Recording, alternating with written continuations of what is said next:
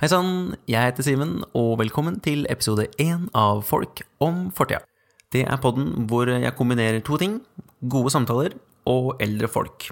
Det er jo mange, altså mange grunner til å gjøre det, de, de har jo alltid kaker til kaffen og sånne type ting, men, men hovedgrunnen, da, hovedgrunnen er at før i tida så, så man gjerne mot de eldre i samfunnet for å lære mer om livet, mens nå om dagen så ser vi kun mot internett. Og der tror jeg det er noe som går tapt. Jeg vet ikke nødvendigvis hva det er, men eh, du får jo aldri svar på noe før du spør. Så jeg møtte ekteparet Bjørg og Aslak Andreassen i Hokksund. Og så snakka vi om eh, alt mulig rart, men eh, blant annet om hvordan de fikk tida til å gå under krigen.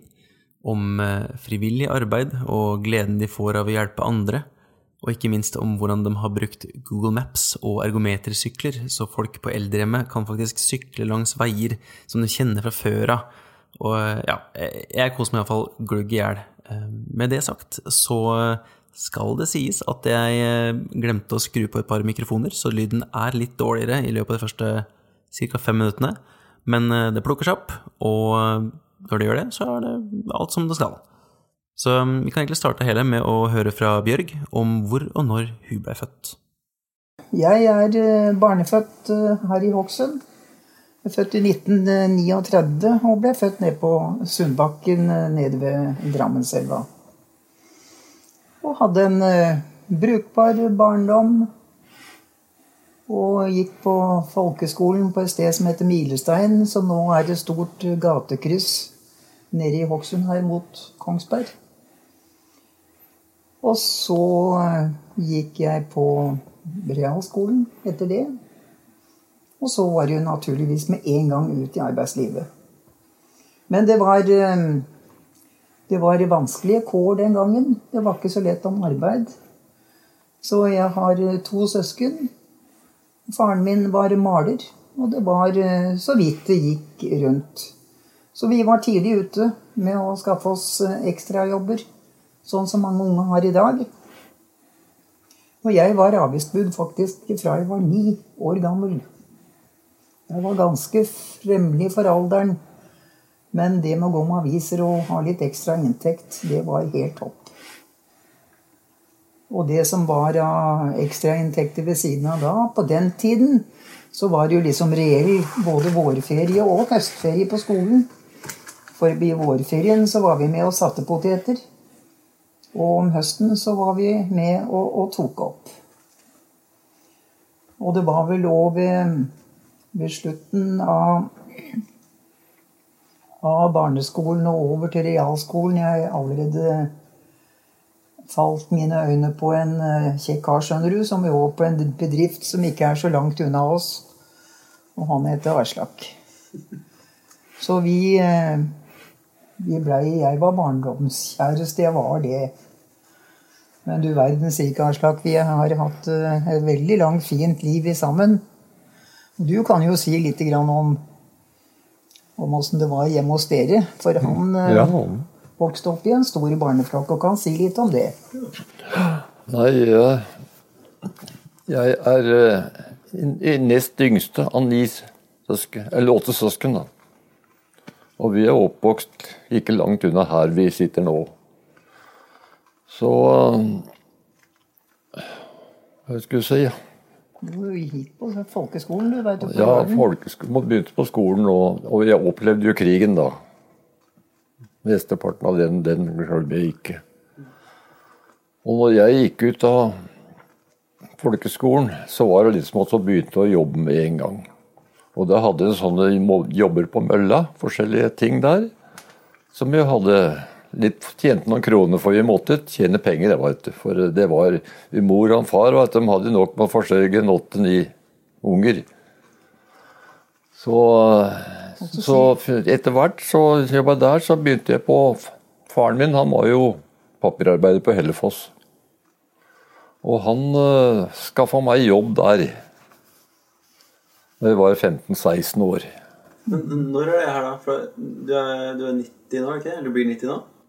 Ja. Så eh, Hvilket årstall er vi omtrent da? Ja, det er vi i eh, Skal vi se Jeg sto til konfirmasjon i, i 44.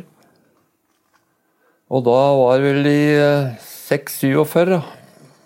Som jeg begynte på Hellefoss da. For vi hadde ikke, vi hadde ikke mulighet til noe, noe mer skoler. Vi hadde ikke råd til det. Og én bror av dere som, en bror av dere som fikk ett års Ja, ekstra en bror, han som tok han, ble jo gikk handelsskolen. og ble forretningsmann. Ja.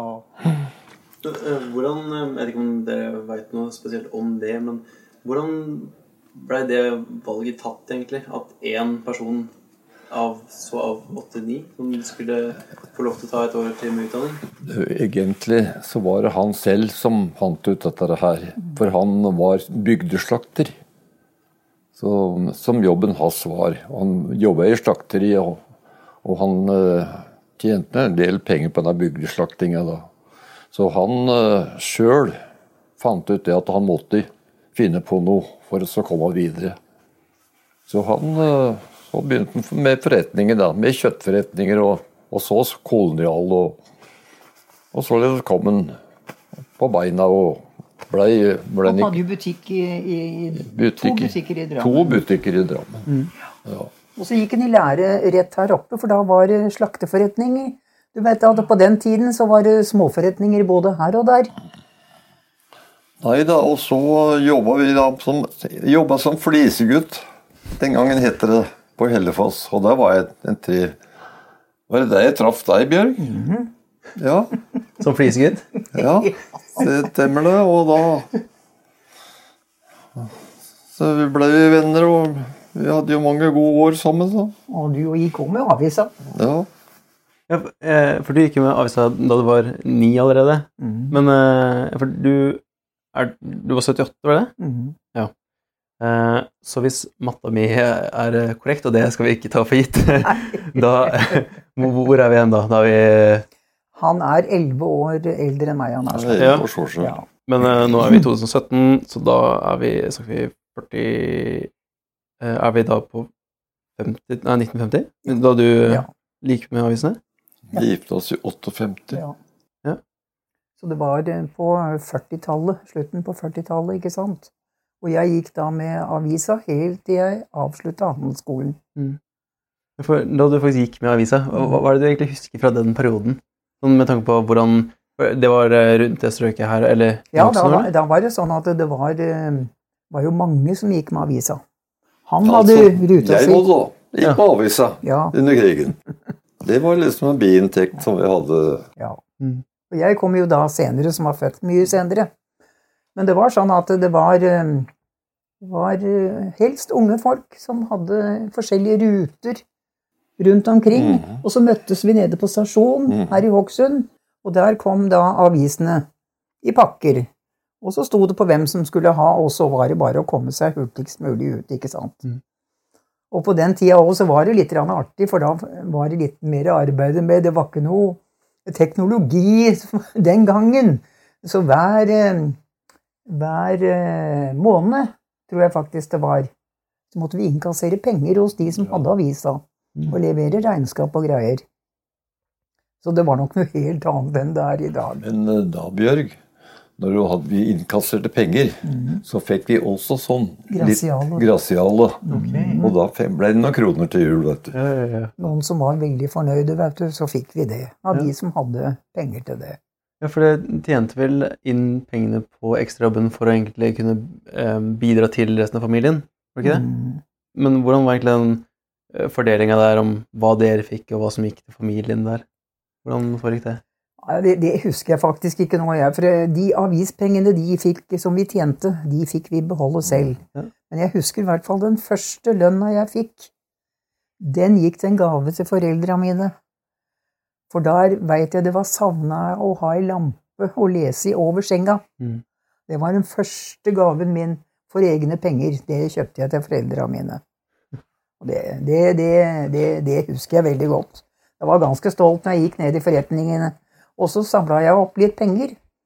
Og så eh, kjente mor og far en som hadde et gammelt piano til salgs. Og det år kjøpte jeg av egne penger, og det var avispenger.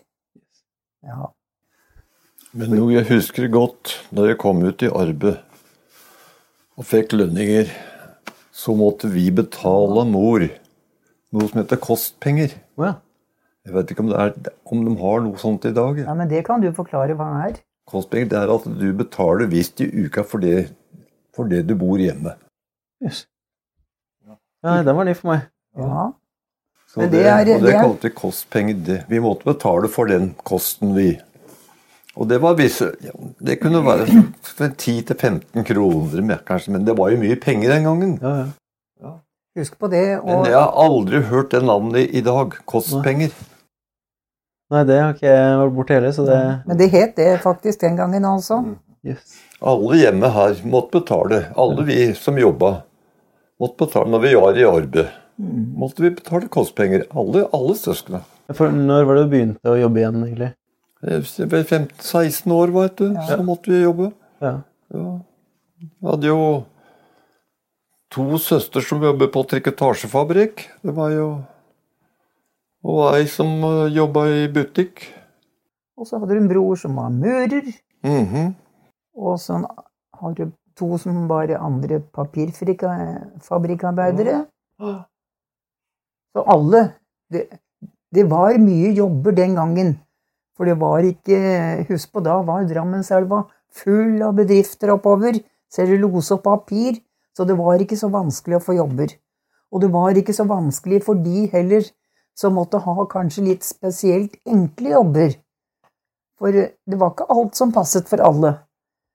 Og derfor så kunne det vært bare å, som bud, ikke sant? Flisegutt, som han nevnte. Det var enkle jobber som Enkle mange jobber. kunne settes til. Mm. Alt dette her, det blei jo borte på 70-åra. For da ble den ene bedriften etter den andre lagt ned. Helt fra Drammen, Nedre Eiker, Øvre Eiker, Modum, hele veien. Så blei alle disse store bedriftene borte.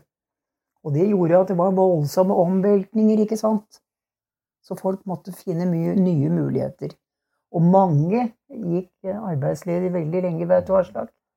Men det var heldigvis ingen i min familie og din familie som blei plaga noe særlig av det. Men det var mange som sleit. Mm. Du veit at jeg opplevde jo hele krigen, da. Jeg var jo faktisk tolv år når krigen brøt ut. Ja.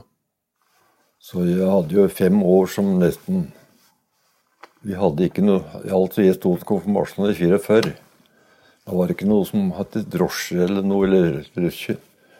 Når vi skulle, skulle til kirken konfirmeres, måtte låne hest og trille Ja. på en gård bort på Hoen gård. Ja. Det var stort. Ja, og det var jo stort, bare det. Ellers måtte de andre gå. Vi kom til kirken i, i trille, og det var Så, så det var eh, Og så var dere litt heldige med det, da, som ikke jeg opplevde. Det var det at eh, de, dere hadde et lite småbruk. lite småbruk, ja. Så de hadde dyr? De hadde dyr. Hadde ei ku og litt sauer og, og noen kaniner. Ja, for det hjalp, eh, vel ganske mye under en rasjoneringa der. Ja. Ja. Så det var, det var jo rasjonering under hele krigen. at. Vi fikk jo ikke Men, men vi, vi var så heldige, to av guttene våre, eller jeg og sin bror, vi jobba på mølla.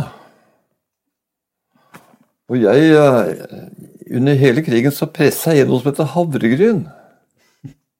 Jeg lagde mange tonn med havregryn. Og da som regel så, det, så lurte jeg med meg en havregrynspose. Litt ofte hjem igjen, og hadde havregrynsgrøt. Ja. Og så hendte at vi noen, en, Han som ved siden av meg, han lagde veitemel. Da fikk vi lurt med det litt der òg. Så vi hadde litt sånn ekstra spe på med hjemme. Husker du hvordan du lurte det med deg, egentlig? Mm? Hvordan lurer du med deg havre, havregryn? Ja, nei, altså, det var at du eh, Jeg hadde det i, i, i sekken, da, vet du. Ja. Men det var jo ingen han Den brød seg ikke noe om det, han sjefen eller sånt som det.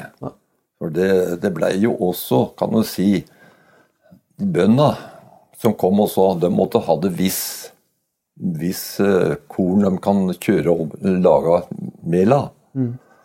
Og da ble det så at du Kanskje han fikk en Han fikk en del av det bonden kunne yte med.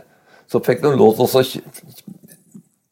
to ganger rasjonalt til å lage mjøl. Ja, sånn, ja. Så de ble byttehandel og sånn. ja, ja. Så det, det var det mye av. Ja, man hjalp kanskje hverandre litt på den måten. Hjelp hverandre på den måten. For hvordan, eh, altså, Hvis du var tolv da, da krigen brøt ut, eh, hva var det du egentlig husker fra den perioden da? For altså, kan, det, er jo, det er jo ikke noe lignende som har skjedd eh, så nært på hjemme.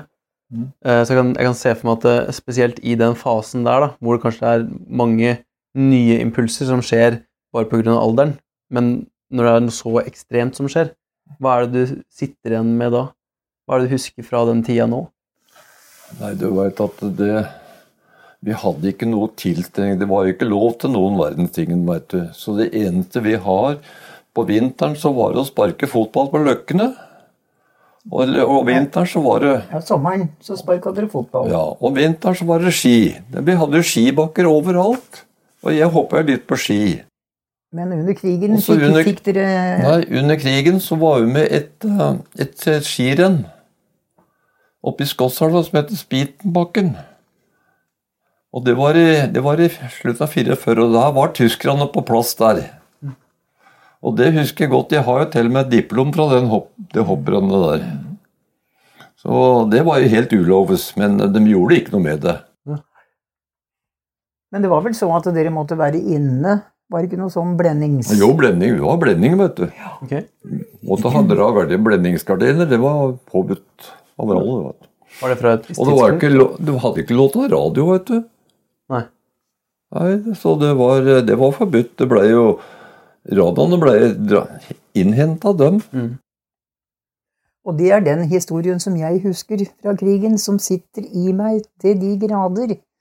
Det var det at faren min, han var med i motstandsbevegelsen.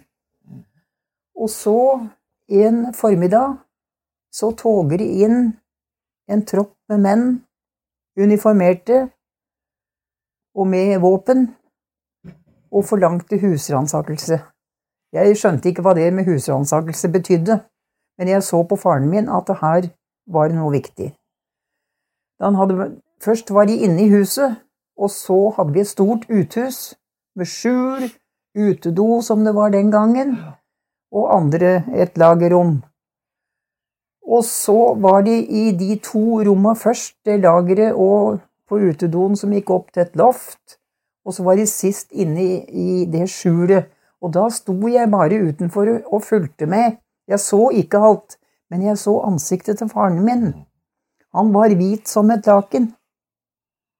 Og jeg skjønte jo ikke noe, men så kom de ut igjen litt brautende, og så, eh, så dro de etter noen minutter mens de snakka sammen på tysk. Det er liksom det jeg husker. Men etterpå så fikk jeg jo forklart at faren min hadde både radio. Og han hadde våpen gjemt i skjulgulvet, som var gravner med en lem der. Ja. Og det er klart, hadde det blitt funnet da, hadde han blitt skutt på sted.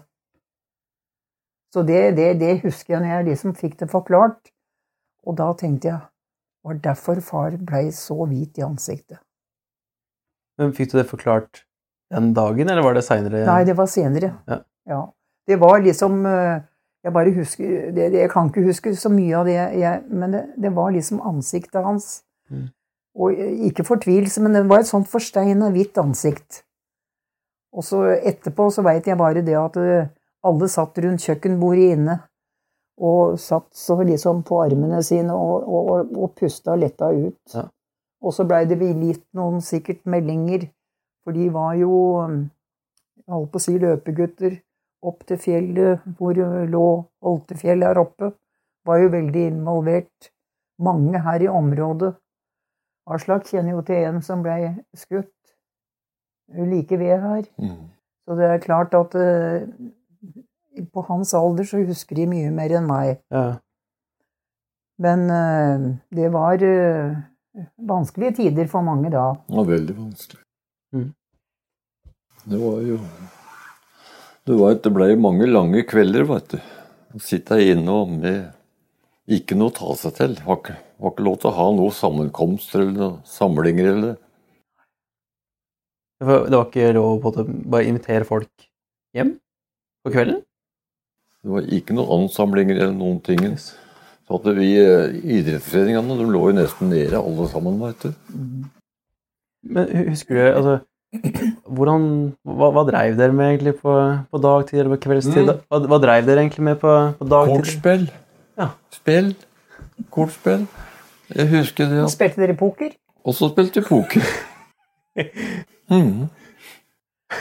Blitt noe rakkere på, på kortspill, kan jeg tenke meg. Mm. Blitt noe rakkere på kortspill? Ja. Ja. Nei, det var, jeg husker det at det var det kortet. Det var Naboene kom som til en far, kameraten hans, kom hjem til oss. Og da var det noe som heter sprøyte. Jeg vet ikke om du har vært borti det? Aldri vært borti sprøyte. Ja, det var, det var ny. Det gikk det mye i. Det, var, det gikk jo. Sprøyte, og så var det noe som heter hva Hva det het det?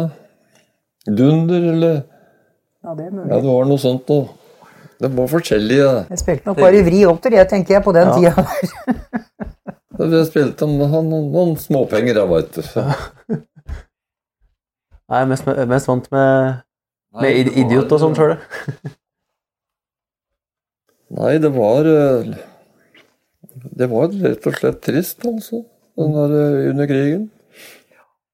Men um, når eh, Husker du Jeg kan se for meg at du Aslak, spesielt husker den dagen da krigen var over. Men husker dere begge hvor dere, hvor dere var da? Ja, da var det jubel og glede. Men var- Var dere her i Hokksund da, eller? Ja, da jeg husker jeg var nede der, jeg, for da husker jeg det at øh, At det da kom det, Hjemmefronten kom ned fra fjella, vet du. Fra Haltefjellet her. Mhm. Da marsjerte de ned og, og tok over alt uh, nede i Hokksund. Da var det stor glede. Ja. Jeg eh, husker ikke så mye av det. Jeg Nei. gjør ikke det. For du var vel seks år da? var du ikke? Ja. Men det er mye av det som er eh, jeg eh, ikke husker. Jeg bare husker bilder liksom som jeg minnes fra de russerne som satt som fanger på et kinolokale her i Hokksund. Ja. Og de lagde sånne trefigurer med sånne små påfugler og litt Påfugler og som folk ga litt grann for, eller fikk i gaver. Mm. For han skal huske på det fortsatt, så tror jeg det er viktig å minne om det at eh, det var mange tyskere som var her, som ikke ønsket å være her. Mm. har et tilfelle fra mølla, ja. De, de, de, de holdt det, de russiske fangene de bodde liksom bort, den gamle arbeideren i Hokksund. Ja, Det var kinolokalet som jeg nevnte Ja. nå. Og de hadde, og de hadde hester. Og, de hadde, og tyskerne hadde med seg de fangene til å presse havre på mølla. Hadde presset sånn pressa havre for å fôre hestene med. Og da husker jeg det at da var det en av tyskerne som kom bort til meg, og han kunne litt norsk. Og han sa da at han var, han var lei hele krigen. Det var sommer for han hvis den bare kom igjen til kone og barn. Var det som Ellers så var det forbanna han hele krigen, han altså. Så det var sånn blant eh, tyskerne. òg. Ja. ja, for jeg kan tenke meg at det var veldig mange som ikke hadde lyst til å være der i det hele tatt. ja, akkurat. Det, De var beordret, ikke sant? ja, Mhm. Ja, Jeg har et, eh, et minne jeg husker fra som voksen. Så var jeg på en såkalt gymnastrada i Tyskland, Ja. I Stuttgart. Og der bodde vi jo på skoler, for vi hadde jo turnsammenhengene var jo på store stadion. Og vi bodde på skoler. Og så skulle vi naturligvis ut på kvelden eh, og se på byen. Og der står det utenfor skoleporten så sto det en mann med ei lita folkevogn. Og jeg og to andre, vi var først, og så var vi en ti-elleve i flokken. Og så kommer han bort og spør Han spurte på tysk. Jeg uh, kunne tysk. Og så sier han Hvis dere er norske og dere har lyst til å komme noen steder, kan jeg få lov å kjøre dere? Mm. Ja, så var vi jo litt tvilende til en som sto der, han var litt, litt eldre kar. Mm. Og så spurte jeg, og så forteller han tilbake det at eh, jeg var pålagt å være i Norge under krigen. Og hvis jeg kan få gjøre litt grann tilbake for dere norske, så vil jeg så gjerne gjøre dere en tjeneste. Mm. Og han sto der den uka vi var og kjørte hver eneste dag grupper. Og det satte vi jo veldig pris på. Mm. Og han, han var veldig glad for å få yte den vesle tjenesten. Ja, Så sånn var det for noen. ja. det er veldig spesielt. Ja. Og vi har jo truffet en På en ferietur av slags så Ja, traff vi et tysk vi i- eh, vennepar. Vi var i Malaysia, var det ikke det? Jo. Og hun, hun, hun var svensk, og veldig lett å forstå. Ja. Han var tysker. Og han var pålagt å være her under krigen. Mm. Og han eh, Han hadde truffet flere norske som ikke ville akseptere å prate noe med dem. Mm. Og jeg syns vi var hyggelige da som kunne sitte og snakke med dem og ha Mhm. selskap og samvær med dem. Veldig hyggelige mennesker. Han hadde aldri bedt om å bli sendt ut i krigen, men jeg ble pålagt det. Så Han lurte fælt på om vi hadde veldig mot, Ja. mot en sånn tysker. da. Mm. Jeg tror sier at nei, det har vi ikke, for det er ikke du som Nei. Nei, men samtidig, altså, det er jo ganske storsinna, da. For altså, det er jo Jeg kan se for meg når man er ehm, Når man spesielt blir vokst opp med at sånn Det er en uh, eh, Hører det språket her, så må du passe deg. Mm. Uh, og når man bare får det på det inn i tidlig alder Jeg kan skjønne at man kanskje har litt sånn fordommer da, og da Ja. klare å, å legge det fra seg og heller ha det større bildet i tankene. At sånn, det her er, handler ikke om enkeltpersonene, men om kanskje én politisk vinkling, da. Ikke sant? Og det er jo det som mange bomma på, føler jeg, etter krigen også tok slutt. Selv om det var veldig mange som hadde årsaker og grunner til at dette var helt forferdelige historier Mm. for mange. Det er klart det var det. Men så må vi òg se den store sammenhengen, som du sier. At det var også mennesker derfra som var pålagt å reise og kunne ikke gjøre annet. Mm. Så vi for vår del, vi, vi hadde ikke noen vanskeligheter med å akseptere at det sånn var det. Og så måtte vi se litt lenger fram. Det er de yngre som vokser opp. Men jeg syns òg fortsatt det er veldig viktig at vi ikke glemmer, og at nå de yngre fortsatt, som går på skolen, får historien, får være med på reiser og ser alt det grusomme som skjedde den gangen, Mm. og alvoret i det. At vi ikke må komme i en sånn situasjon igjen. Det syns vi er veldig viktig. Mm. Er veldig viktig. Ja. Mm. Ja, for jeg tror bare det å, å ha de erfaringene til andre da, ferskt i minnet, som man, man kan lære av hverandre. Naturligvis. Det, jeg hørte nylig på en, eh, en bok, eh, eller en lydbok fra eh, Han het Herman Saknowitz, tror jeg. Eh, han, hadde, han satt i Auschwitz og gjenfortalte om sine opplevelser der. Og eh, altså bare det å, å komme seg gjennom boka er jo på en måte tungt nok, men når han snakker om et tre års langt opphold Det er sånn, det, det er voldsomt tunge greier å ta inn. Ja. Men altså, desto viktigere egentlig å, å være klar over, da. ja. Så, men eh, når man på en måte har det, har det med seg altså, eh, da, dere, da krigen gikk mot en ende, og både Heimevernet eller hjemmefronten kom, kom ned fra fjellet, og Mm. eh, både krigen var over, eh, hvordan gikk dere på det tilbake til, til hverdagen deres da? For du, Bjørg, som var da seks år um, Mm. Når du er så ung, så da har du kanskje Du styrer ikke helt hverdagen sjøl. men som familie, både for deg og Aslak, egentlig, hvordan så den tida ut i ettertida? Nei, jeg følte jo det at uh, far, da, som hadde, hadde vært med Det er klart, der ble det mange samlinger og sånt eh, etter krigen. Og jeg føler vel også det at de eh, blei ble jo honorert på sin måte. Har jo fått sin plass i historien eh, her på eh, Øvre Eiker. Men for, for meg, og på den tiden, så, så gikk det liksom mot det helt uh, naturlig igjen. Så jeg hadde ikke liksom de store tingene fra den tiden. Og du òg kom jo eh, lett i arbeid igjen. Ting måtte jo bare gå videre, ikke sant? Mm. For at samfunnet skulle komme i sving igjen. Så jeg føler vel at rundt i området her Så var det ikke noe de, store historiene som gjorde mye, men det var jo en del mennesker ikke sant, som mistet sine da, som ble skutt. Og det var jo vondt, veldig vondt for mange etterpå. Men eh, litt etter litt så gikk dette her eh, tilbake igjen. Mm. Uten de store omveltningene. Men jeg husker jo det at det var veldig trangt uh, i tida etterpå med penger. Og jobb, spesielt for faren min. Det husker jeg var vanskelig. For jeg forteller det med, eh, med broren mins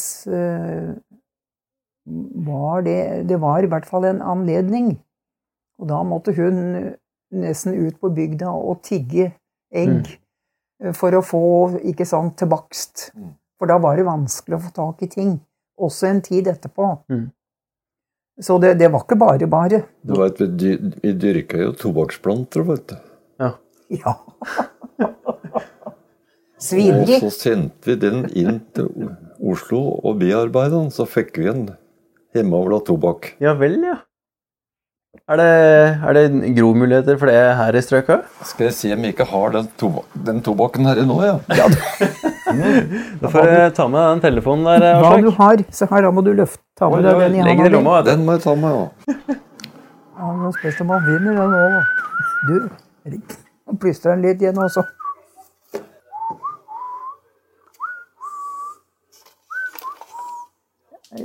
Du kan si det at vi var fra veldig sånne Nei.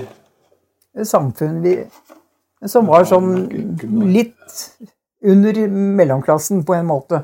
For det var jo fra den tida ikke sant, hvor det var lensmann og prest og ordfører og politikere. De, de styrte bygda, vet du. Det var de store. Og så var det da arbeiderklassen som vi Nei, jeg har forlagt den en stund. Både han og meg. Ja.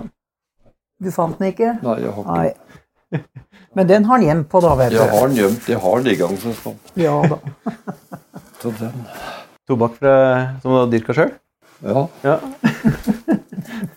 Og den, eh, vi hadde tobakksplanter, og den pakka vi inn, og så sendte inn til noe som heter Neto tobakksfabrikk. Ja. Oslo, så fikk vi en tobakk. Esker. Hente sigaretter òg, vet du. ja. Hjemmeavla. Sånn. Men du Aslak, jeg husker faktisk det at i annen etasje i huset hjemme på Sundbakken, hvor jeg bodde, der var det lå det tobakksplanter oppå det loftet. Det De lå der til tørk, Ja, lå til tørk. Og så ble ble- de også sendt inn, da, for det husker Ja. ikke jeg. Mhm. Ja, der ser du. Alt gir mening nå. Begynte å røyke tidlig, vet du. Ja. Det var liksom så stor, stort å røyke. Var det. Det har kanskje forandra seg litt eh, i seinere år, eller? Det har nok det. Ja. Det er jo 40 år siden vi har slutta å røyke. ja. Men Vi var altså, så tåpelige å begynne. for å komme tilbake til det gamle, kan du si Vi begynte her. Vi gifta oss i 58. Og vi hadde jo jobber begge to. Hun jobba jo inne i Oslo den gangen. gjør hun ikke? Ja, jeg jobba i Hokksund her, og bare ett år jeg var i Oslo. Ja. Og jeg fikk jo jobb på Ytong. Fabrikken der borte på Sem. Da jeg var jo der i helt til jeg gikk av på pensjon. Ja. Og da begynte vi å bygge her i 1959. Da husker jeg det. At da fikk jeg kjøpt tomt her hos en For vi kjente, mora mi kjente godt dem som hadde gården her. Og da fikk vi kjøpt halvannet mål her for 5000 kroner. Hæ? 5000? Var ikke to og et halvt, da? Det var tre kroner meteren. Og tre kroner da. Tenk på det. Det bare, bare det. I forhold til i dag. Ja, herregud. Og i dag skulle du betalt kanskje en halvannen million for denne tomta her. Ja, om ikke mer, tenker jeg. Ja. Det, Og vi satte opp Og så begynte vi Vi, vi gravde tomta. Den, den gravde ut og trilla ut med trillebår. Hadde ikke gravemaskin, lot å grave ut. nei. Og dette, men vi, det gikk, et, gikk det, og vi fikk, fikk opp murene. Og, og jeg jobba på Ytong, så vi fikk, fikk jo Det Ja. er byggelementer de Mm, lagde En der. sånn element, en stav, som vi, vi, vi bygde opp sjøl. Og så hadde vi en snekker og så bodde der borte som uh, innreda oss alt sammen. Yes. Og, Regnestykket her, når huset ble ferdig, ja, uten møbler, men med gardiner og alt innvendig, det tror jeg var på 48 000 kroner 48 000. Med tomta? Mhm. med tomta. Med alt sammen. Men husk på det, vi, da- vi, vi hadde Det var ikke mer til overs. Altså, vi vi hadde ikke råd til å ta sånne fine termopanvinduer som det er nå. Nei, Da var det ute- og innevinduer, som vi har noen av enda, som har holdt seg så til de grader. Mm. Men eh, så vi må altså, le vi, mange måtte, ganger. vi måtte ta det steg for steg. Og vaskemaskin og alt sånt, så det måtte komme etter hvert. Ettersom vi fikk spart opp penger til det. For vi var av den typen at vi skulle ikke ha noe gjeld bortover. Så at vi måtte spare opp penger til det og det. Ja. Men vi hadde et lite lån. Hadde, vi, vi hadde lån på 18 000 kroner. Pluss fem. Pluss fem. Et tilleggslån. 23 000 og Mhm. fikk vi lånet da. Ja. Mm. Dristige saker. De... Når du ser forskjellen i dag Guri malla. Ja. ja, nei, jeg tror sjøl så sitter jeg med Jeg kom meg under en, eh, en, under en halv million på studielånet for et år siden. Det var en stor dag. Jeg har vært ute og reist litt, så da, den, den feirer jeg, jeg godt. ja, det, Ja. det skjønner jeg. Så den der sitter jeg med en god stund. Ja. Nei da, det er Men det, det er liksom med i historien eh, at en ser forskjellene da, ikke sant, fra så langt tilbake til sånn som samfunnet er blitt nå. Hvor de unge ikke sant, har krav til nesten alt mulig. Alt skal være på plass. Sånn skal det være. De skifter ting mye fortere som vi Mm. aldri kunne tenke oss å skifte ut. Og det er jo mange som kjenner og som sukker litt, kanskje. Her er, gjemmer vi på vel mye. Men eh, det er nå vår prioritering, og har valgt å ha en litt annen livsstil enn andre.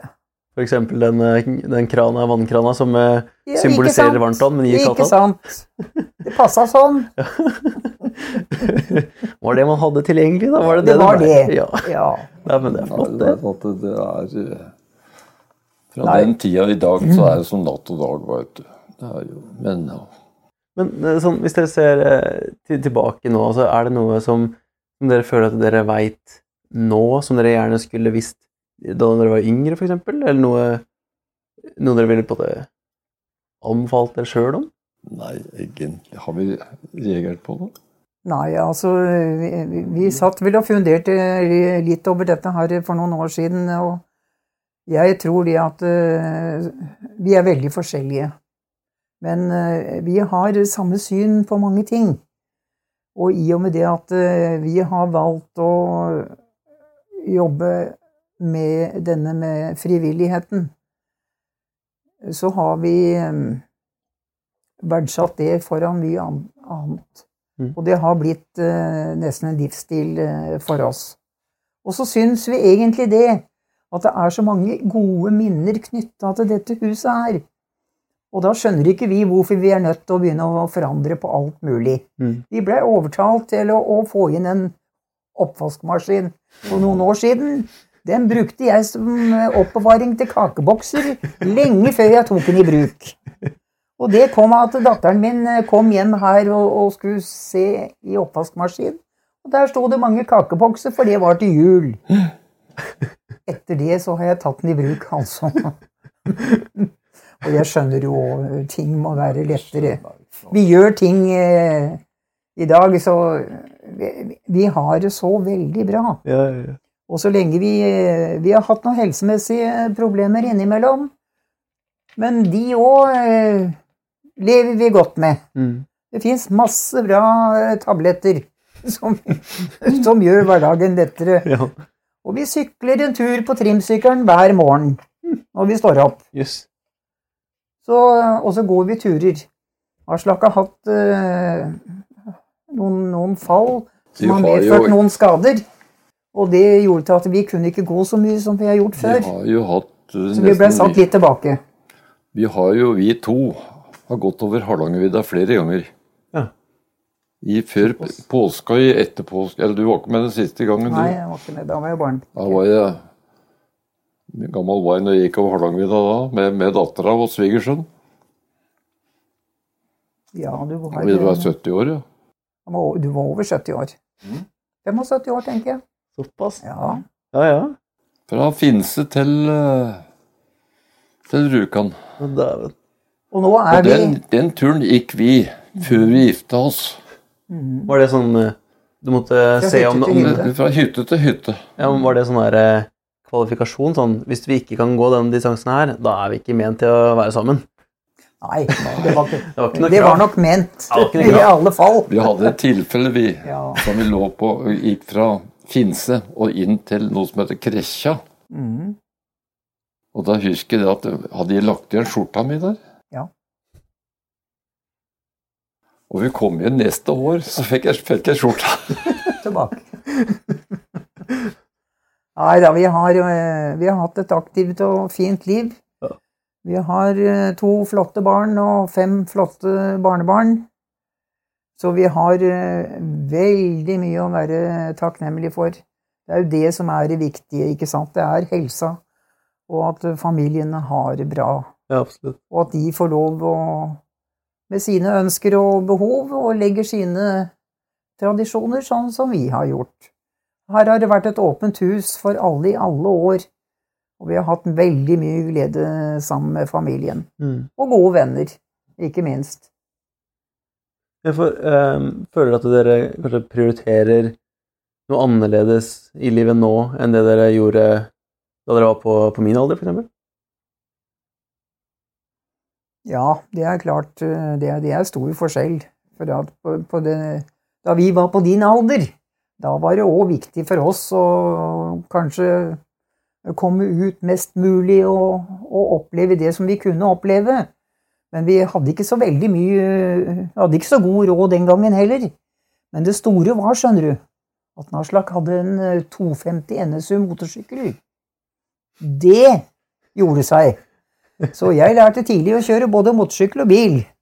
Så vi var på mange fine motorsykkelturer sammen, da.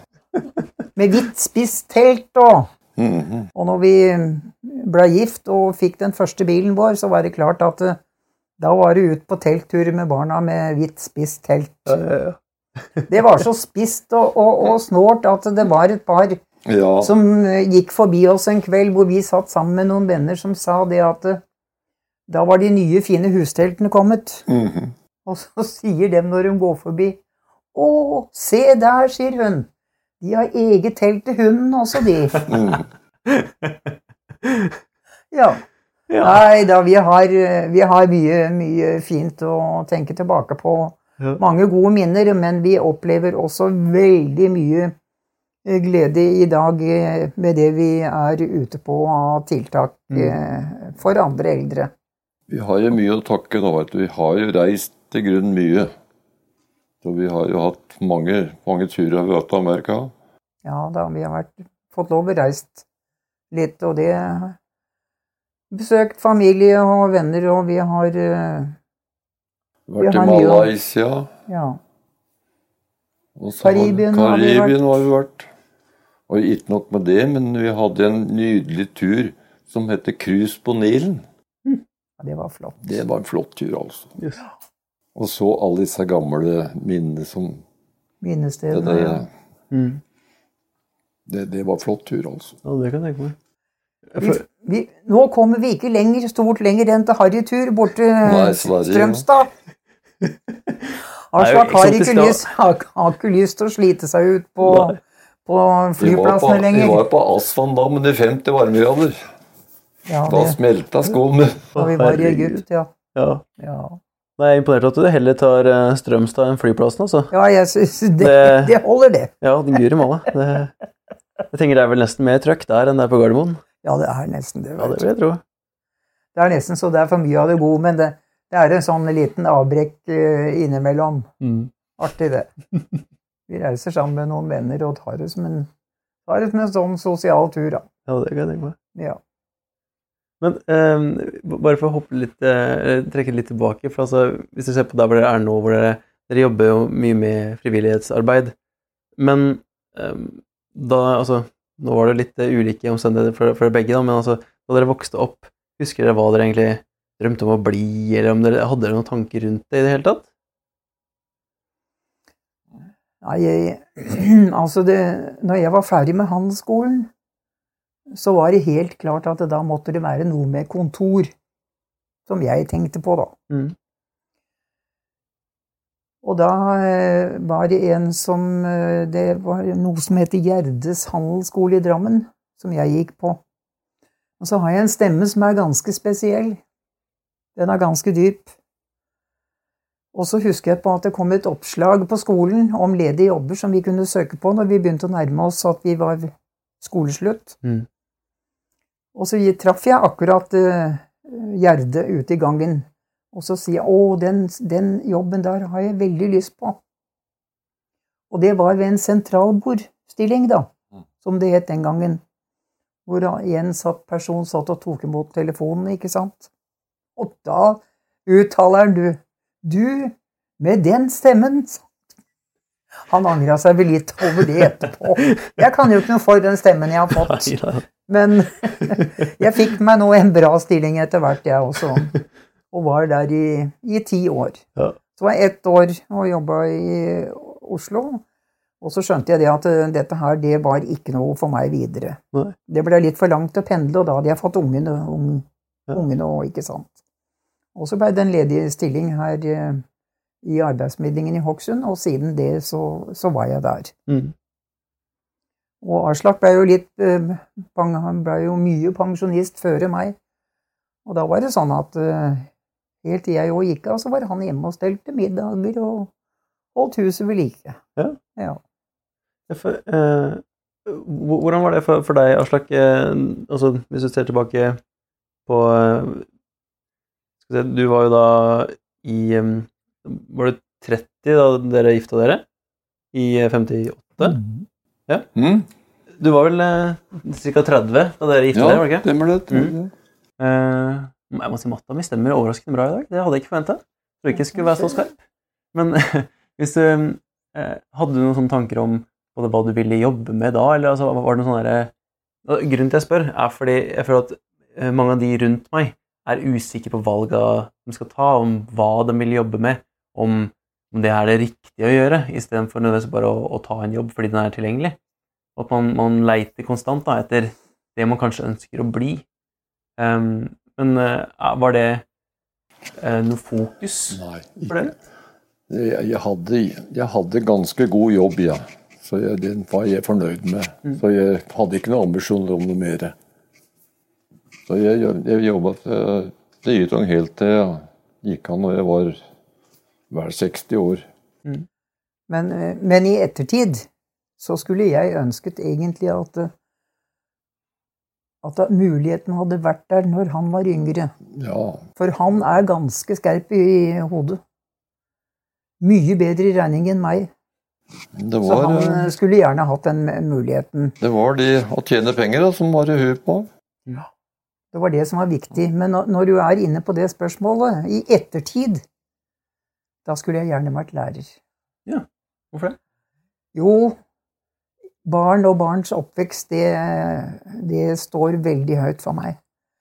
Og så ble det eh, For noen år tilbake, eh, nå er det vel en eh, tolv år siden, så ble det utlyst et sånt statlig prosjekt som het Besteforeldre, knytta opp mot skoleverket, til både forteller og, og, og, og opplesning. Og da tok jeg kontakt med barneskolen her i Hokksund og var der i to år. Og det var en hverdag som var Mm. helt ubeskrivelig. Det var bare to dager i uka, og så hadde jeg annenklasser. Og det var altså en nytelse, altså. Og der, ikke sant, traff jeg barnebarn som, eller barn som ikke hadde besteforeldre, og noen hadde flere besteforeldre. Og så blei du ble tatt inn til hjertet på dem, veit du, og motsatt. Mm. Nei, det var en veldig hyggelig opplevelse. Så jeg tenkte jeg skulle gjerne ha jobba som lærer i småskolen. Ja. Og nå har jeg et barnebarn som er eh, lærer, i hvert fall i et år, Mhm. før han skal studere videre og trives. Og vi veit at lærergjerningen i dag, den er voldsomt viktig. Mm. Så rette lærer på rette plass i dag er mer viktig enn noensinne. Ja, for den påvirker jo livet i veldig stor grad. Kanskje Det- det.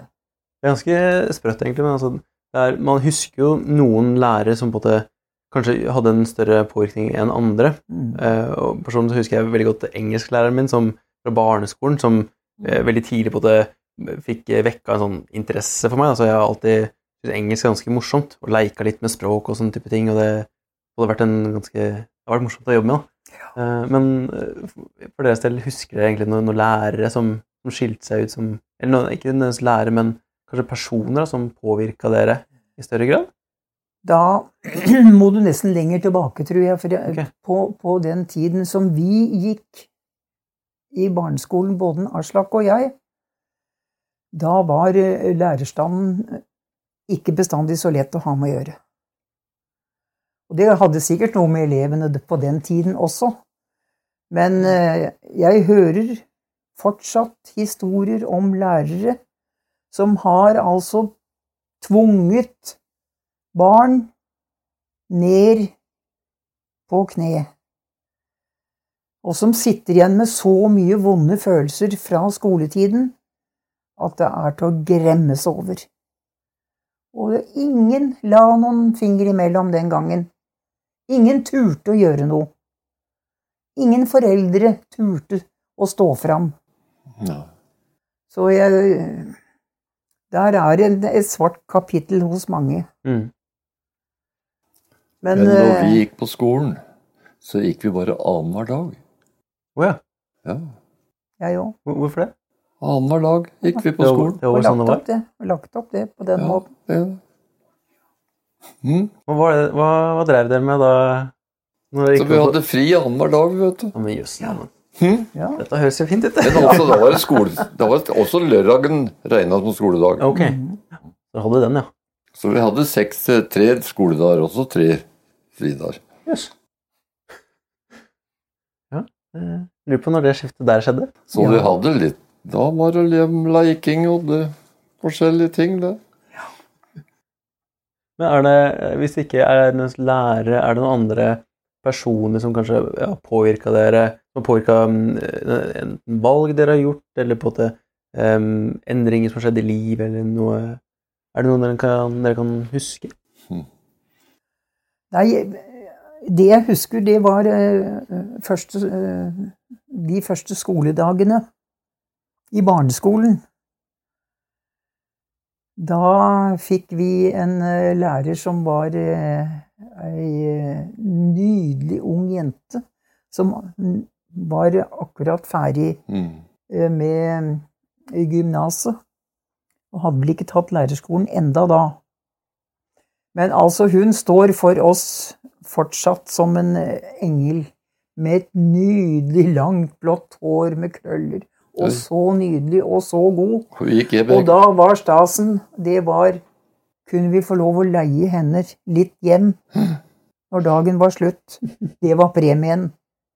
Men det, det var Jeg har vært veldig heldig med de lærerne jeg hadde. Mm. Men eh, på realskolen hadde jeg en mattelærer som drepte alt som het av interesse for matte. På den måten han var på overfor meg. Det er rart hvordan det bare skal ha én lærer til for å bare drepe all glede innenfor et felt. Ja. Jesus. Så det måtte tas igjen da, før, like før eksamen slutt. At jeg fikk eh, litt ekstra timer med en annen Ja. mattelærer. Som gjorde at jeg besto eksamen. Mm. Så så lett kan du bli miste gnisten, altså. Mm. Ellers så har jeg bare gode minner fra skolelivet, og nå, nå er vi kommet dit hen, ikke sant, at vi, vi har eh, fortsatt holdt sammen eh, med skole, gamle skolevenner.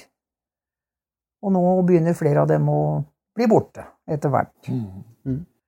Så der det er mulig, så, så har vi en, eh, en samling i ny og ne, og det er hyggelig. Men de folka som, som dere besøker nå, da, med, med tanke på gjennom frivillighetshjelpa deres ehm, Hvordan kom dere egentlig i gang med, med det arbeidet? Det kom vi i gang med det, eh, og det er veldig interessant. For han hadde en venn som bodde Mm. i eh, Oslo. Og han, han var ve veldig mye plaga av sykdom. Så for ti år siden så kom han her en sommer på besøk. Og eh, da var han altså så oppglødd. Han hadde flere helseproblemer. Men han var virkelig oppglødd. Og så spurte jeg, du verdens rike, så godt du ser ut i dag, og så glad som du er. Mhm. Hva har nå skjedd med deg? Han kom jo kjørende i bilen sin her da. Og så sier han det at ja, du skjønner, nå har jeg, nå har jeg blitt sånn miljøarbeider inne på Lovisenberg i Oslo. Mm. Ja, men så flott da, sier jeg. Nå må du fortelle. Jo, så fortalte han, og så hadde han med seg veska si med papirer. Han viste at han hadde fått skilt, og ble henta på morgenen og kjørt hjem igjen om kvelden på Lovisenberg sykehjem i Oslo. Og så sier jeg det at du, du verden, jeg må få lov å låne disse papirene dine og ta tatt noen kopier. Og for dette her må jeg kikke litt mer på, for da begynte jeg med en gang å tenke på et prosjekt nede på Eikertun.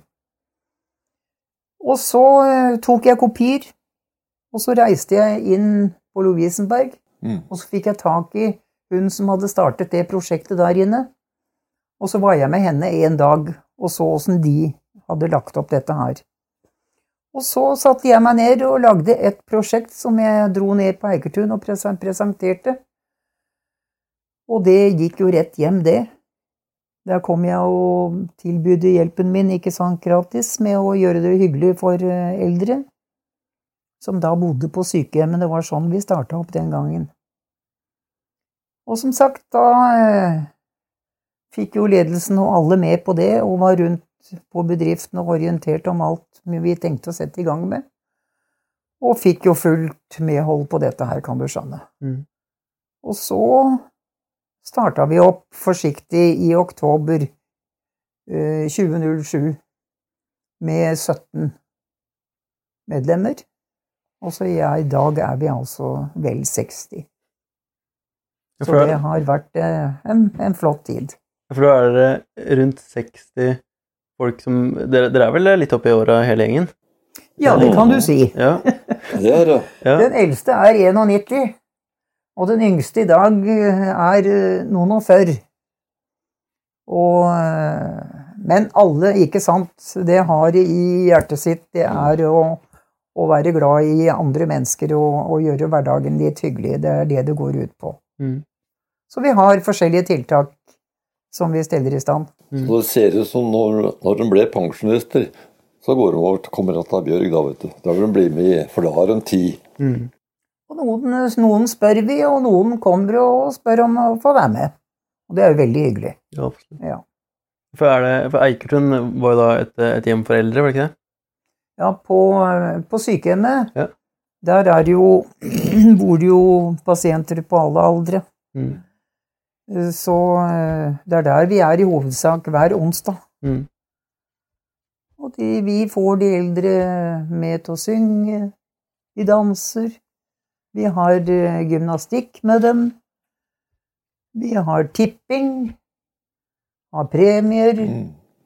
Og så har vi lagd til sånne turmarsjer. Og ikke minst eh, at vi fikk eh, kjøpt inn disse elsyklene som pasientene kan ut og få sykla i. Ja. Og også en flott innesykkel som er kobla mot eh, Google Mm. og gamle stier. Så når de sitter og sykler på den, så kan de altså se hjemstedet sitt Ja. langt tilbake. Mm. Det er veldig flott. Såpass, ja. Ja, såpass. Og det vet jeg nå er kommet flere steder her i distriktet også, både i Drammen og Kongsberg. Vi var på befaring i Drammen og fikk se de i bruk for første gang.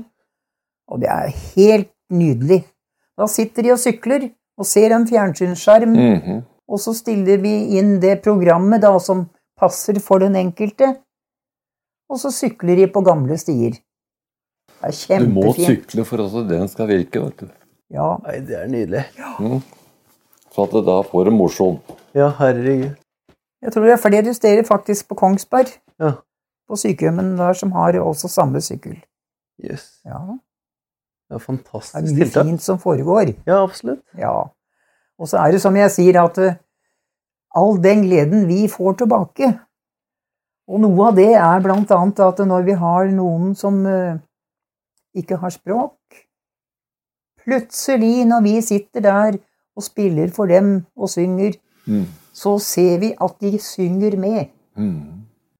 Og da kommer de tilbake til det gode, kjente. Mm. Og det, det, er, det er stort, altså. Ja, det er nydelig. Ja. Ja, det, er, det er veldig fint å, å egentlig bare se dere snakke om det, for dere, dere lyser litt opp med en gang dere begynner å snakke om frivillighetsgreiene, så det, det var nydelig å se på. Og det blir veldig mye, mye prat om frivillighet da, vet du, for pga. på grunn av det at eh, vi har så stor venneskare også som er med på dette her. Mm. Eh, Familie, og, og er vi sammen, så blir det knytta inn på dette her. Og plutselig så sier en, vet du, kanskje vi kunne gjøre det sånn? Mm. Så nå har vi også fått til det at vi får låne bilen som tilhører sykehjemmet. Og så er vi rundt og henter inn til den onsdagsunderholdningen. Mm. Og så kjører vi de hjem igjen etterpå.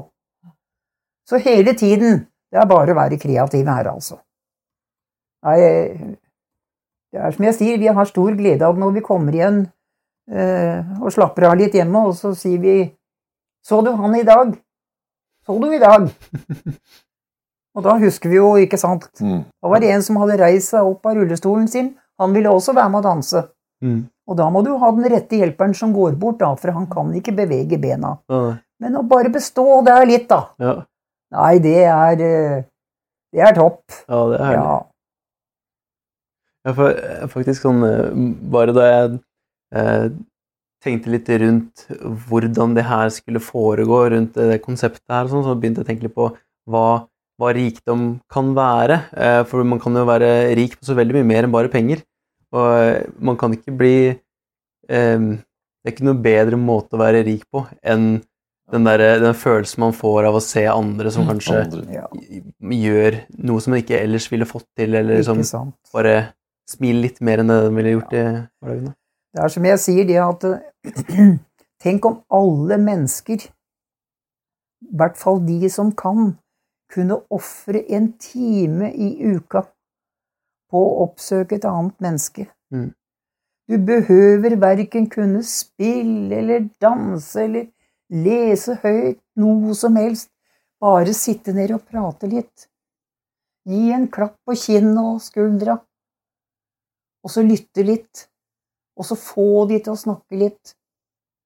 Og om de ikke orker det heller, så har du vært der. Mm. Da har det vært et menneske innom. Det betyr så mye for noen. Så jeg eh, må si det at eh, jeg trodde vi hadde hatt en mye bedre verden hvis folk kunne tenke litt utenom sitt eget, sin egen boble. Mm. Det, Det skal så lite til. Ja. Og så er det ønsket mitt, og det jobber jeg med også, det er vi må mer inn i skolen. Mm. Og få gitt informasjon til de yngre.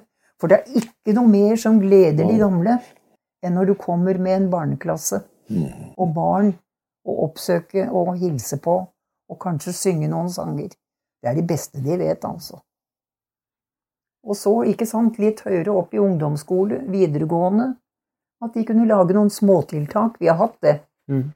Innimellom så kommer på besøk, så tar de en sånn dag. Mm.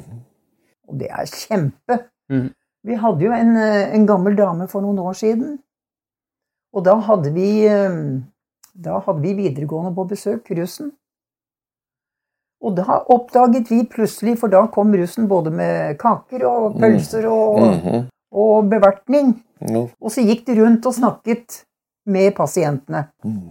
Og da først oppdager vi at hun som vi var så glad i, der satt det en ungdom og snakket tysk med henne. -hmm. Vi visste ikke at hun hadde tysk opprinnelse. Nei, Men tenk hva det betydde, du. ja, ja. Nei, det var den store dagen. Ja, Nei, den husker jeg godt. Hun er borte kunne nå. Hun Kunne er gjenta det òg? Hun er borte nå. Det, det kommer igjen. Mm. Det kommer igjen.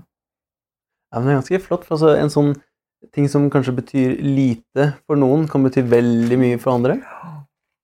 Men sånn eh, rent praktisk, eh, hvis, hvis man vil egentlig begynne med frivillig arbeid av den typen, hvordan er det man egentlig går fram da?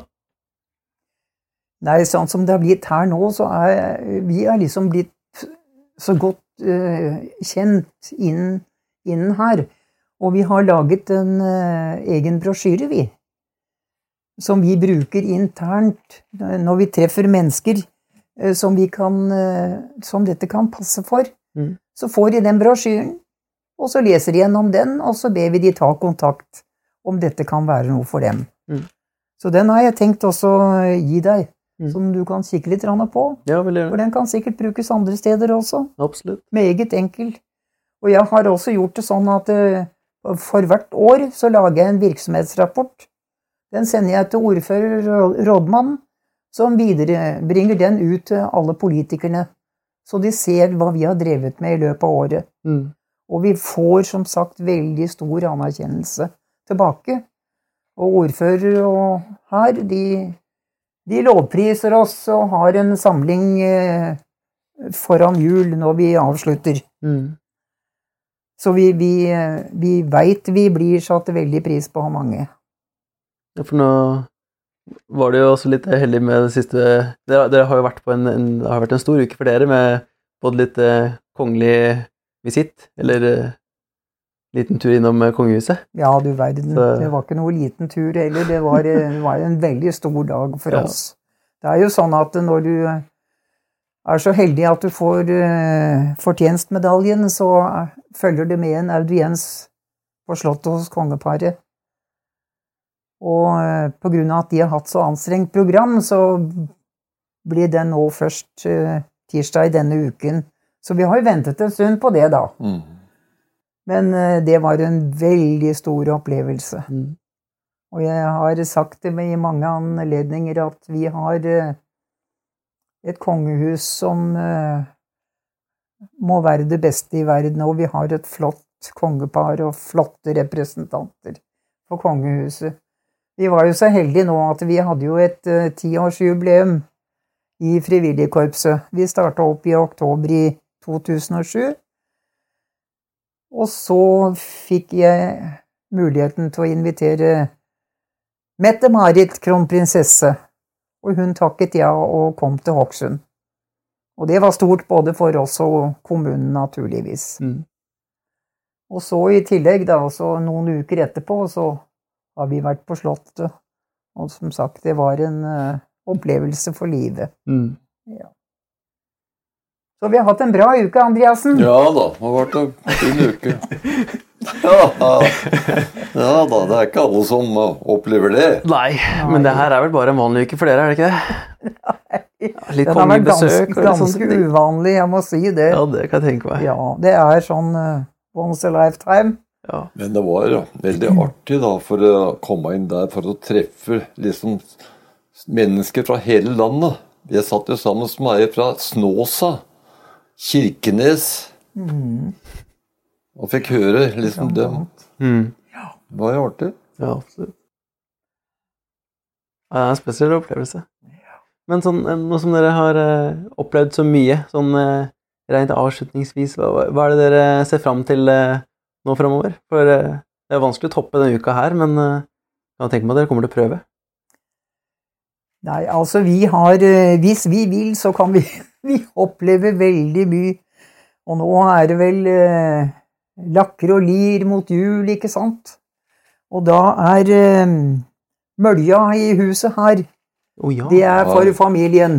Og det er tradisjon. Det er Og det er tradisjon. mølje. Det er like Så nå, derfor så eh, må det bli en, eh, en handletur snart. For da er det saltkjøtt og mølje. Og møljepresanger her som eh, Ja, er for hele familien vår. Hele familien, barn, barn, barnebarn og, og noen Med- kjente kanskje litt. Med kjærester, så vi har, eh, har fullt hus da. ja, det er flott. Ja. Og så blir det litt ekstra rundt på de stedene vi er på som frivillige, og så blir det litt ekstra før jul bestandig. Mm. Ellers så har vi liksom programmet, det er lagt, og vi driver nå og legger programmet for første halvår i 2018. Så her er det ikke noe snakk om å hvile lenge på laurbærene, men vi må suge litt på den karamellen Ja, for all del. med, med slottsbesøket og ute på en deilig middag etterpå. Det var en, en strålende dag som, som er et minne for livet, naturligvis. Nei, det er nydelig. Det var et har fortalt om de tilstelningene vi har på Eikertun. Som vi, vi har tar inn sånne som synger og spiller. og Nå hadde vi en Prøysen-forestilling der. Ja, jeg sa så vidt litt om det vet du, innledningsvis, at vi bruker midler fra den mm. Mm. kulturelle spaserstokken. Du, eh, Og der er det veldig viktig å, å få inn uh, ting som At vi får inn artister og kunstnere, ikke sant? Både fra sentralt og lokalt. Så vi får litt variasjon i det. Mm.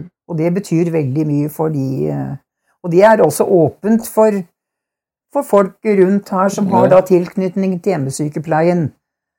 Så her har vi eh, publikum på opptil 120 stykker. Så det er eh, veldig godt besøkt, Ja, altså. ja, absolutt. Ja. Yes.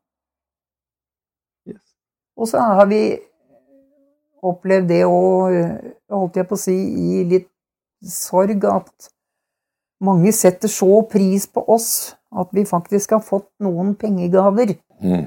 som støtter veldig godt opp om arbeidet vårt. For det er klart, vi har ikke betalt på noen måte for noe som helst. Mm. Og derfor så betyr det så veldig for oss å ha et godt samarbeid med de institusjonene som vi er på. Og så har vi også opplevd nå å få private gaver. Mm. For noen har satt så veldig pris på det vi har gjort for deres som har vært på Eikertun, andre sykehjem, at det faktisk minnegaver har blitt gitt til oss. Ja.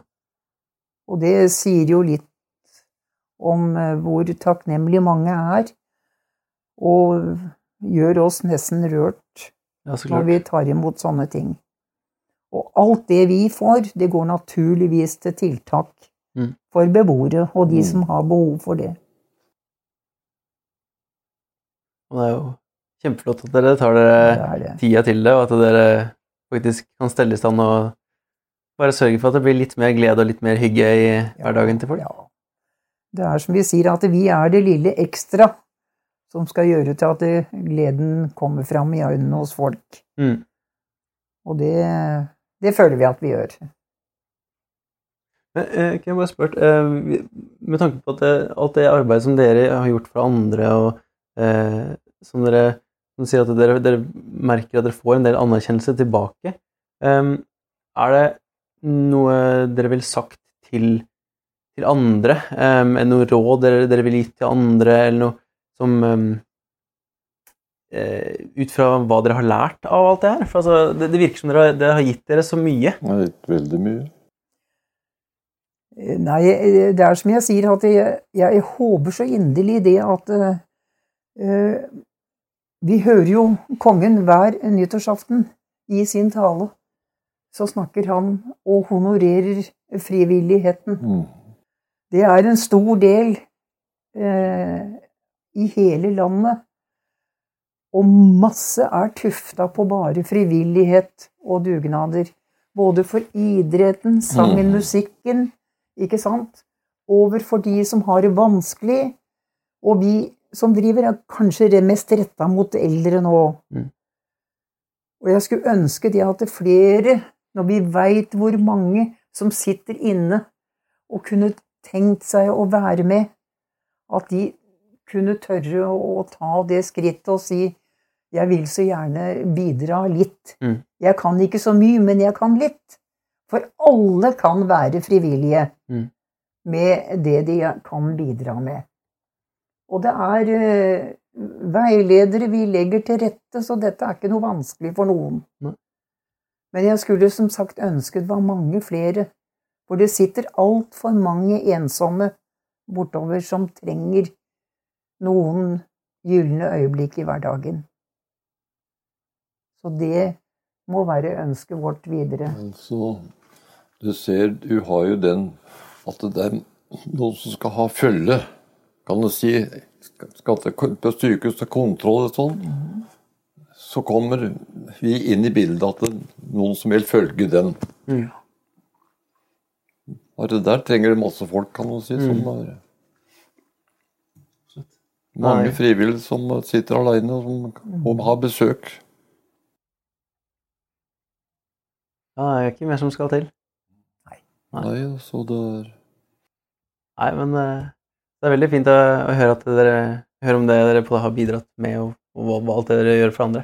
Ja. Jeg syns det er er veldig sporty av dere å stille opp eh, på det her uten å vite helt hva det er. Ja. Men eh, sånn sett så er det enda mer interessant å vite og å høre om alt det man kommer til, da. For Nå skal vi lære oss om podkast, og Ja. så skal vi lytte til hva som kommer.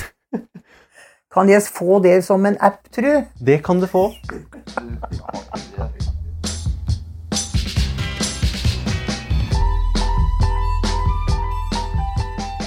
Og sist, men ikke minst, en stor takk til deg som hørte på. Siden det er eh, første episode, så er det en ganske rar følelse, men fremdeles veldig gøy. Kommer nye episoder i ny og ne, så får du bare følge med. Så får du ha en god dag videre.